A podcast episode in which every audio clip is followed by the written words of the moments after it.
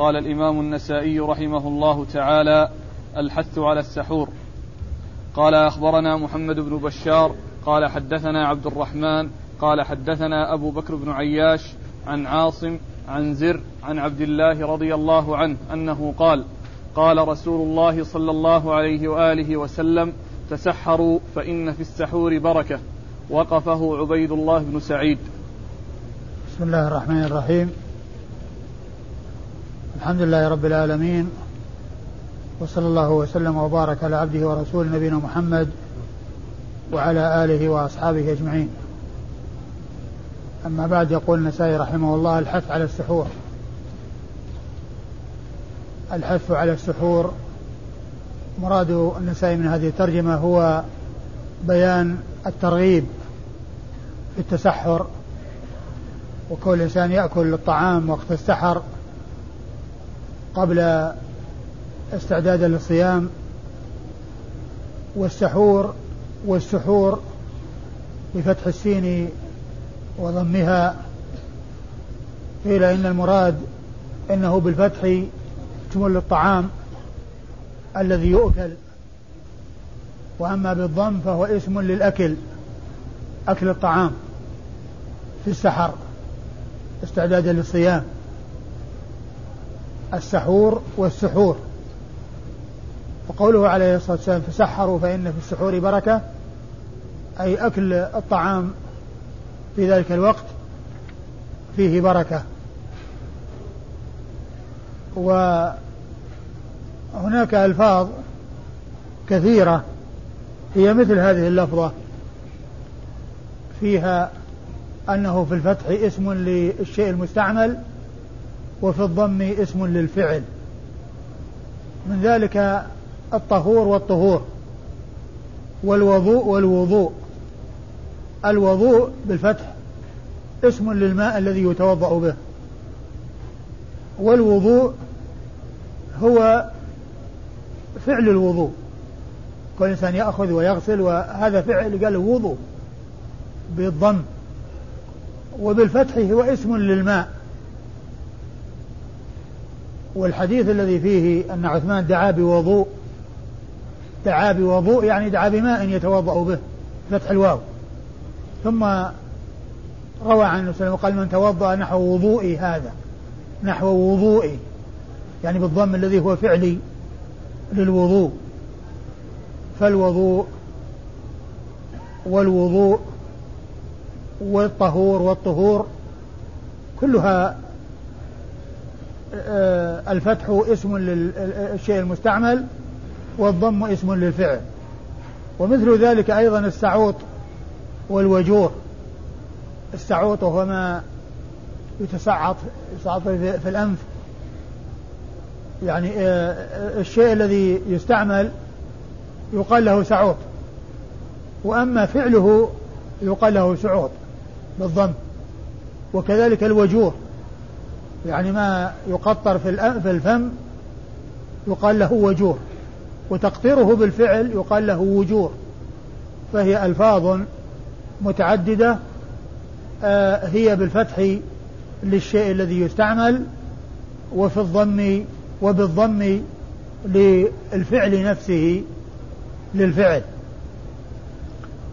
وجاءت الأحاديث عن رسول الله عليه الصلاة والسلام بالحث على السحور من جهة الأمر به ومن جهة تعليل ذلك بأن فيه بركة. يعني بعد أن قال تسحروا قال فإن السحور بركة. فالحث عليه من جهتين من جهة الأمر ومن جهة بيان أن فيه بركة. وقد أورد النسائي عدة أحاديث تحت هذه الترجمة في الحث على السحور. أولها حديث عبد الله. حديث عبد الله بن مسعود رضي الله تعالى عنه. قال تسحروا فإن في السحور بركة. والبركة في السحور هي من وجوه كثيرة. تكون من جهة حصول الأجر والثواب ومن جهة التقوي على العبادة في النهار والتقوي على الصيام. وكل إنسان لا يصيبه آه، الجوع. فيكون ذلك سببا في خموله وكسله بل يستعمل الطعام في وقت السحر ليتقوى به على العبادة في النهار ليتقوى به على الصيام وليتقوى به على العبادة الأخرى بحيث لا يصيبه كسل وخمول يجعله لا يؤدي ما يؤديه في غير حال الصيام بسبب ما حصل له من الضعف وبما حصل له بسبب ما حصل له من الكسل لكونه لم يأكل. ولهذا جاء النهي عن الوصال. النهي عن الوصال كل إنسان يصوم يومين لا يفطر بينهما لما فيه من إضعاف إضعاف النفس وعدم آه، قدرتها على القيام مع ذلك. بما هو مطلوب من الإنسان. و وقد جاء الترخيص بعد أن نهى رسول الله عليه الصلاة والسلام عن الوصال قال من أراد أن يواصل فليواصل إلى السحر. فأيكم أراد أن يواصل فليواصل إلى السحر. يعني معناه يصوم يوم وليلة. لكن كونه يصوم يومين وبينهما ليلة ولا يتسحر هذا نهى عنه الرسول صلى الله عليه وسلم. وقال فأيكم أراد أن يواصل فليواصل إلى السحر. يعني حتى يأكل الطعام في السحر ويكون في ذلك تقوية له على العمل في النهار وعلى الصيام وعلى العبادات الأخرى التي تتطلب نشاطا وتتطلب آه، آه، قدرة وعدم الأكل يكون سببا في الإضعاف.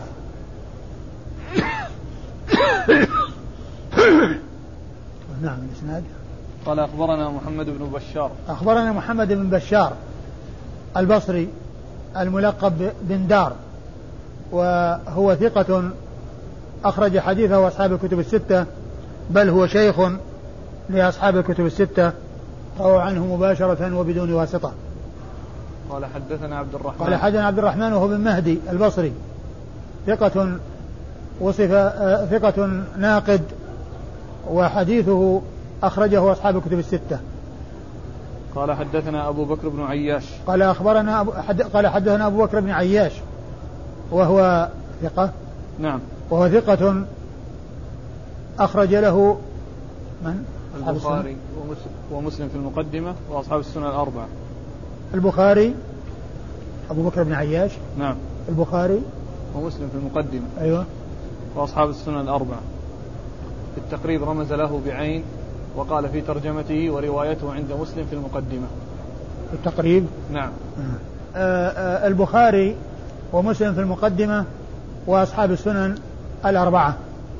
وفي الغالب آه أن أن من له رواية عند مسلم في المقدمة يرمز له بالميم والقاف. بالميم والقاف. يعني و وليس معنى هذا أنه ما روى له في الصحيح لأن فيه كلام أو ما إلى ذلك لا وإنما هكذا اتفق وإلا فإن الشخص قد يكون يعني في القمة ولكن مسلم روى له في المقدمة. ومن هؤلاء عبد الله بن الزبير المكي شيخ البخاري الذي روى عنه أول حديث في الصحيح إنما الأعمال بالنيات فإن مسلما روى له في المقدمة. ولا يعني ذلك أن أن من لم يروي له في الصحيح أنه فيه كلام كم من شخص في القمة ومع ذلك ما خرج له أصحاب الصحيح. لأنهم ما اتفقوا ما ما خرجوا كل حديث صحيح ولا التزموا أن يخرج أن يروى عن كل شخص ثقة. ما التزموا أن يرووا كل صحيح ولا التزموا أن يرووا عن كل ثقة أو يخرجوا لكل ثقة. فكم من ثقة لم يخرج له في الصحيح بل في الكتب الستة.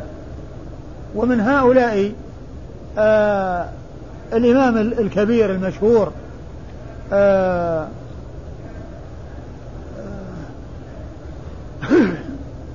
أبو عبيد القاسم بن سلام. أبو عبيد القاسم بن سلام. الإمام المشهور أبو عبيد القاسم بن سلام. إمام مشهور مع ذلك ما خرج له أصحاب الكتب الستة.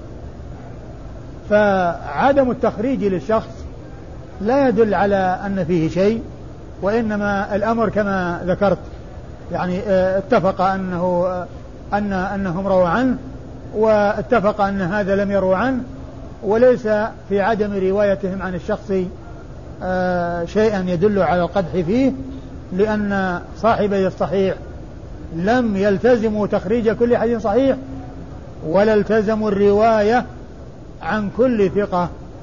فكم من ثقة لم يروا عنه وكم من صحيح لم يودعوه كتابيهما. وكم من حديث صحيح لم يودعه الشيخان صحيحيهما. و وأوضح دليل على هذا ما أشرت إليه مرارا وتكرارا وهو أن صحيفة همام بن منبه هي بإسناد واحد. وتشتمل على 140 حديثا. البخاري انتقى منها وأخذ وروى بعضها ومسلم انتقى منها وروى بعضها اتفقوا على أشياء منها وانفرد البخاري بأشياء وانفرد مسلم بأشياء وترك أشياء. فلو كانوا ملتزمين لرواية كل صحيح لروا هذه المق... هذه الصحيفة كلها. من أولها إلى آخرها لأنها بإسناد واحد. ما في فرق بين ما أخذوه وما تركوه. ليس هناك فرق بين ما أخذوه وما تركوه. بل الكل ولكن لكونهم لم يلتزموا إخراج كل صحيح حصل هذا. آه عن عن عن عاصم. عن عاصم ابن بهدلة ابن ابن وهو ابن وهو ابن أبي النجود. عاصم بن أبي النجود اسمه بهدلة وهو صدوق له أوهام وحديثه أخرجه أصحاب الكتب الستة ورمزوا له بعين وقال في التقريب وحديثه في الصحيحين مقرون. يعني معناه أنه لم يروي عنه استقلالا بل روى عنه وعنه وعن غيره في الإسناد. ولكن آه ال- الذي آه مشوا عليه هو أن من روي له في الأصول ولو كان مقرونا ولو كان متابعة فإنه يرمزون له بالأصل. عين. أما إذا كان روي له بالتعليقات فلا يرمز له بالأصل وإنما يرمز له بخاتا يعني البخاري تعليقا. وأما إذا كان مقرونا فإنه يرمز له بالأصل. ولهذا الرمز لعاصم بن أبي النجود المقرئ آه، بعين أي روايه الجماعة. وفي التقريب قال ورواية وروايته في الصحيحين مقرونة.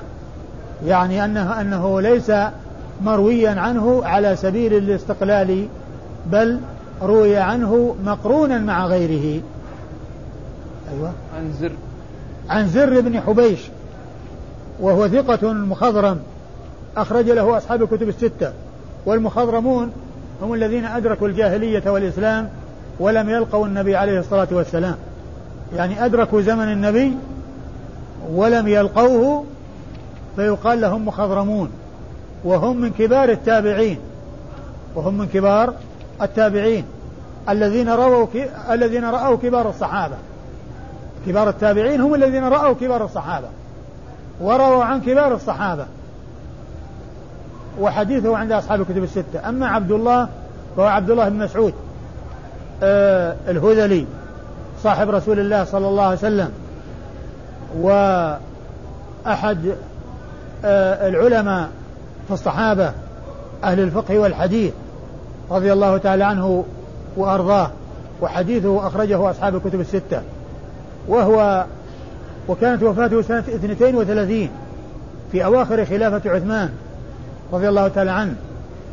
وليس هو من العبادلة الأربعة المشهورين بهذا اللقب وإن كان بعض العلماء قد عده واحدا منهم إلا أن الصحيح خلاف ذلك وأن العبادة الأربعة هم من صغار الصحابة وهم ابن عباس وابن عمر وابن الزبير وابن عمرو بن العاص فهؤلاء هم العبادة الأربعة. وليس فيهم مسعود لأن ابن مسعود متقدم وهو أكبر منهم وكانت وفاته سنة 32 وأولئك عاشوا بعده مدة طويلة وأدركهم من لم يدرك ابن مسعود. وتلقى عنهم الحديث من لم يدرك زمن ابن مسعود. ولهذا فهو ليس من العبادة الأربعة على المشهور بل العبادلة الأربعة هم من صغار الصحابة الذين أد... الذين تأخرت وفاتهم بعد ابن مسعود مدة طويلة. وعبد الله بن مسعود حديثه عند أصحاب الكتب الستة. ثم قال وقفه عبيد الله بن سعيد. ثم ساق الإسناد الذي فيه رواية عبد الله عبيد الله بن سعيد والتي وقف فيها الكلام على ابن مسعود ولم يرفعه إلى رسول الله صلى الله عليه وسلم. نعم. قال أخبرنا عبيد الله بن سعيد قال حدثنا عبد الرحمن عن أبي بكر بن عياش عن عاصم عن زر عن عبد الله رضي الله عنه أنه قال تسحروا. قال عبيد الله لا أدري كيف لفظه. ثم أورد النسائي آه، حديث عبد الله بن مسعود ولكنه هنا موقوف موقوف عليه. وكان ذلك من طريق عبيد الله بن سعيد لأن الإسناد بعد عبيد الله بن سعيد هو نفس الإسناد المتقدم. نفس الإسناد من عبد الرحمن المهدي إلى آخره. وإنما الفرق هو بشيخ مسلم في الطريق الأولى محمد بن بشار وشيخه في الطريقة الثانية هذه عبيد الله بن سعيد. فمحمد بن بشار رفعه في الإسناد المتقدم وأسنده إلى رسول الله عليه الصلاة والسلام وعبيد الله بن سعيد وقفه على عبد الله بن مسعود. وكان ذلك بلفظ تسحروا. ثم قال عبيد الله لا أدري ما لفظه. فلا أدري هل المراد بهذه اللفظة يعني ما بعد كلمة تسحروا؟ أنه لا يدري ما لفظه وأن الذي آه، عرفه أو الذي درى لفظه تسحروا وأن ما وراء ذلك كما جاء في حديث آه، محمد بن بشار المتقدم لا يدري آه، لفظه أو أو ماذا لا أدري يعني إيش ماذا يريده عبيد الله ماذا يريده عبيد الله بن سعيد بقوله لا أدري ما لفظه. والإسناد هو نفس الإسناد المتقدم إلا عبيد الله بن سعيد شيخ النسائي وهو عبيد الله بن سعيد اليشكري السرخسي وهو ثقة مأمون سني وقيل له سني لأنه أظهر السنة في بلده. أظهر السنة في بلده السنة التي هي خلاف البدعة الالتزام بالسنة والتقيد بالسنة ومجانبة البدعة فقيل له سني. وحديثه أخرجه البخاري ومسلم والنسائي وبقية رجاله مروا في الإسناد الذي قبل هذا. قال أخبرنا قتيبة قال حدثنا أبو عوانة عن قتادة وعبد العزيز عن أنس رضي الله عنه أنه قال قال رسول الله صلى الله عليه وآله وسلم تسحروا فإن في السحور بركة. ثم ورد النسائي حديث أنس بن مالك رضي الله عنه. وبمعنى حديث آه، عبد الله بن مسعود المتقدم تسحروا فإن في السحور بركة. والإسناد أخبرنا قتيبة. قتيبة بن سعيد بن جميل بن طريف البغلاني ثقة أخرج له أصحاب الكتب الستة. عن أبي عوانة وأبو عوانة هو الوضاح بن عبد الله اليشكري. الوضاح بن عبد الله اليشكري مشهور بكنيته أبو عوانة. مشهور بكنيته أبو عوانة وهو متقدم وهو وهو من آه، من طبقة شيوخ شيوخ النسائي. من طبقة شيوخ شيوخ النسائي. وفيه أبو عوانة متأخر الذي استخرج على صحيح مسلم. له صاحب صاحب المستخرج. ويقال له المسند. ويقال له الصحيح. صحيح أبي عوانة ومستخرج أبي عوانة ومسند أبي عوانة. ذاك متأخر. وأما هذا فهو متقدم لأن ذاك بعد مسلم وقد استخرج على مسلم. وأما هذا فهو آه، متقدم. وحديثه أبو عوانة الوضاح بن عبد الله اليشكري أخرجه أصحاب الكتب الستة. عن عن قتادة وعبد العزيز. عن قتادة بن دعامة السدوسي البصري وهو ثقة أخرج حديثه أصحاب الكتب الستة. وعبد العزيز هو بن صهيب البصري وهو ثقة أخرج حديثه أصحاب الكتب الستة. عن أنس بن مالك رضي الله تعالى عنه صاحب رسول الله عليه الصلاة والسلام وخادمه وأحد السبعة المعروفين بكثرة الحديث عن النبي صلى الله عليه وسلم. قال ذكر الاختلاف على عبد الملك بن أبي سليمان في هذا الحديث. قال أخبرنا علي بن سعيد بن جرير نسائي. قال حدثنا أبو الربيع قال حدثنا منصور بن أبي الأسود.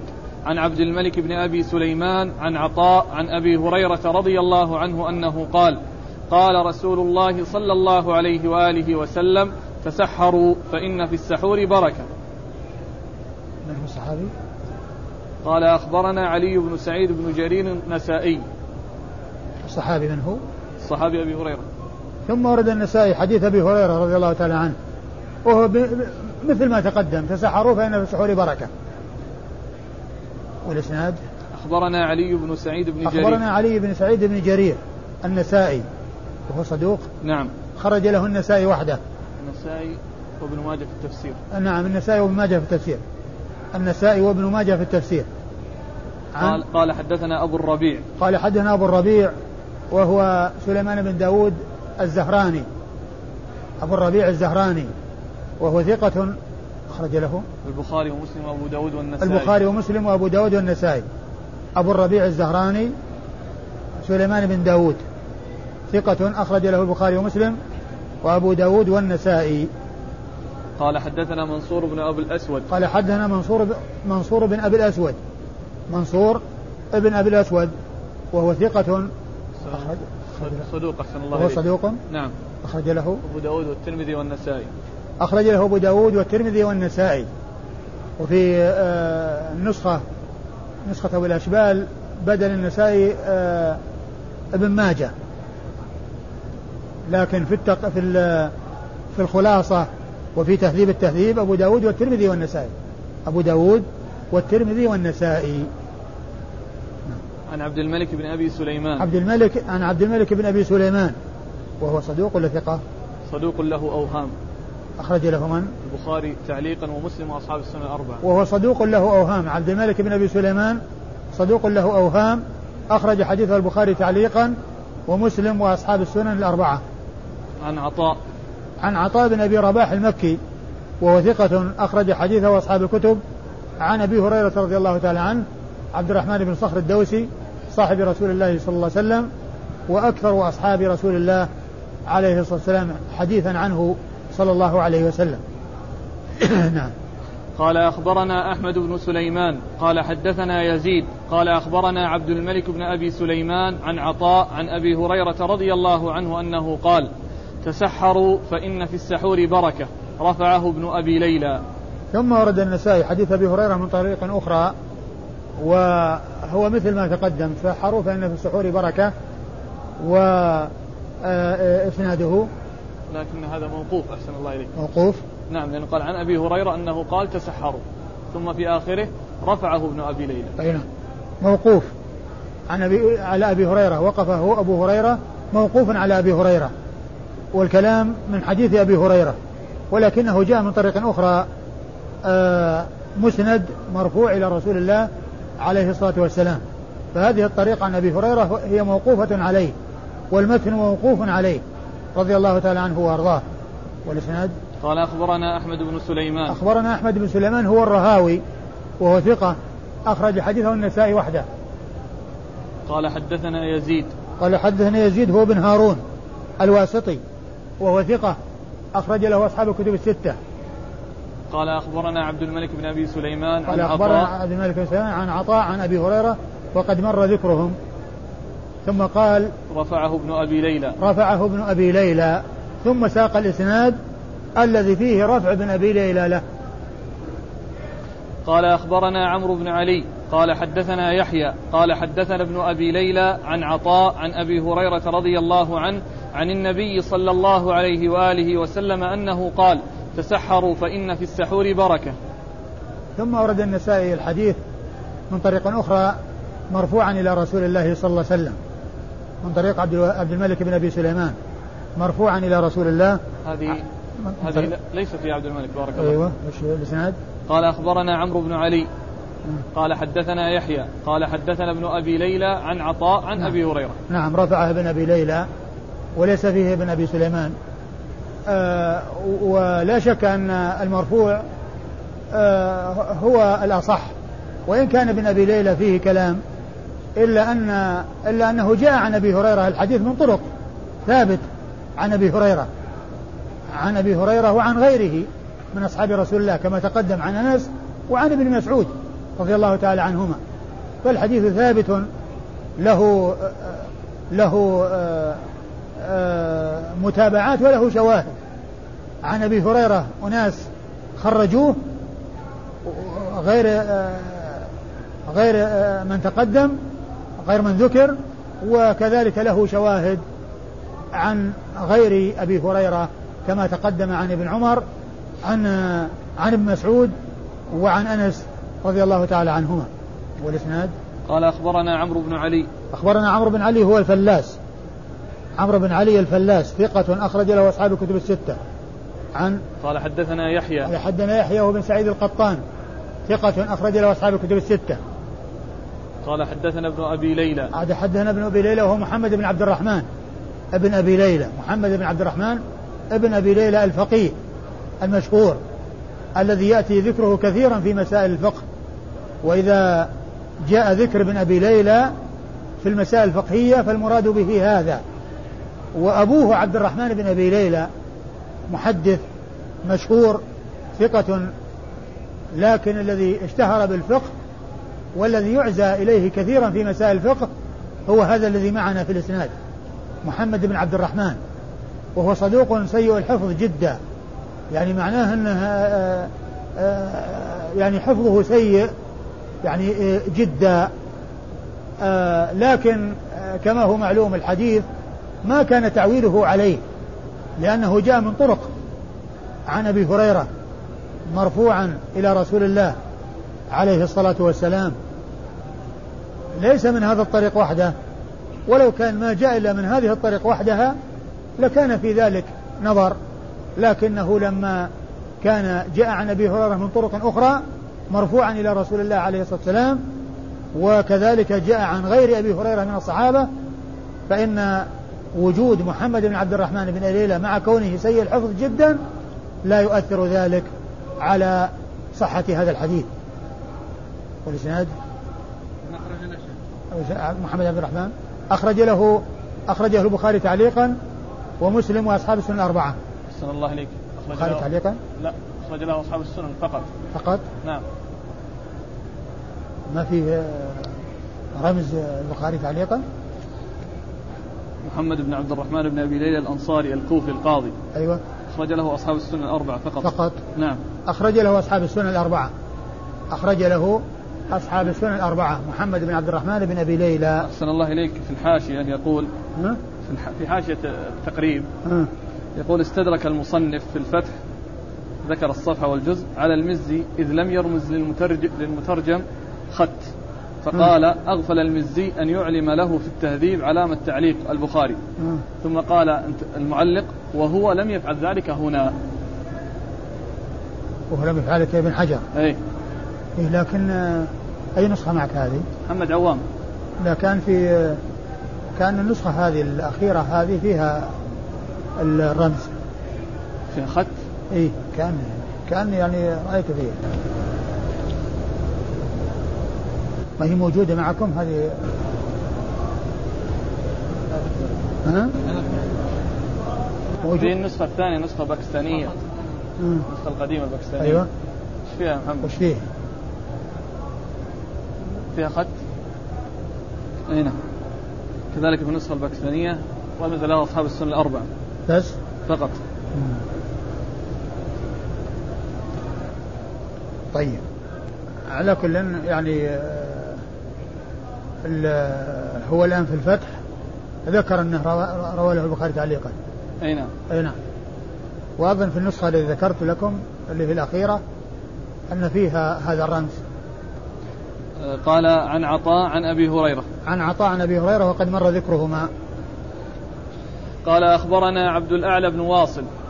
قال أخبرنا عبد الأعلى بن واصل بن عبد الأعلى. قال حدثنا يحيى بن آدم عن سفيان عن, أب عن ابن أبي ليلى عن عطاء عن أبي هريرة رضي الله عنه أنه قال قال رسول الله صلى الله عليه وآله وسلم تسحروا فإن في السحور بركة. ثم ورد النسائي الحديث أبي هريرة من طريق أخرى هي مثل ما تقدم والإسناد. قال قال أخبرنا عبد الأعلى بن واصل بن عبد الأعلى. أخبرنا عبد. عبد الأعلى بن واصل بن عبد الأعلى وهو صدوق ولا ثقة؟ ثقة. أخرج له النسائي وحده. الترمذي والنسائي. وهو صدوق وهو ثقة أخرج له الترمذي والنسائي. عبد الأعلى بن واصل بن عبد الأعلى ثقة أخرج له الترمذي والنسائي. عن قال حدثنا يحيى بن آدم. قال حدثنا يحيى بن آدم وهو ثقة أخرج له أصحاب الكتب الستة. عن سفيان. عن سفيان وهو الثوري ثقة ثبت آه وصف بأنه أمير المؤمنين في الحديث وحديثه أخرجه أصحاب الكتب الستة. عن ابن أبي ليلى عن عطاء عن أبي هريرة. عن عن ابن أبي ليلى عن عطاء عن أبي هريرة وقد مر ذكرهم. قال أخبرنا زكريا بن يحيى قال حدثنا أبو بكر بن خلاد قال حدثنا محمد بن فضيل قال حدثنا يحيى بن سعيد عن أبي سلمة عن أبي هريرة رضي الله عنه أنه قال قال رسول الله صلى الله عليه وآله وسلم تسحروا فإن في السحور بركة قال أبو عبد الرحمن حديث يحيى بن سعيد هذا إسناده حسن وهو منكر وأخاف أن يكون الغلط من محمد بن فضيل. آه ثم ورد النسائي حديث أبي هريرة من طريق أخرى وهو وهي بلفظ ما تقدم تسحروا فإن في السحور بركة.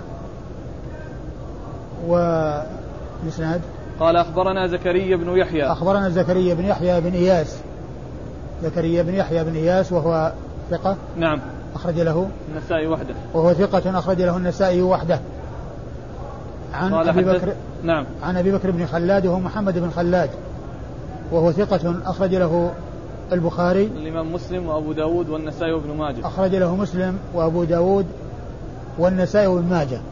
أخرج له مسلم وأبو داود والنسائي وابن ماجه. ما أخرج له البخاري ولا الترمذي.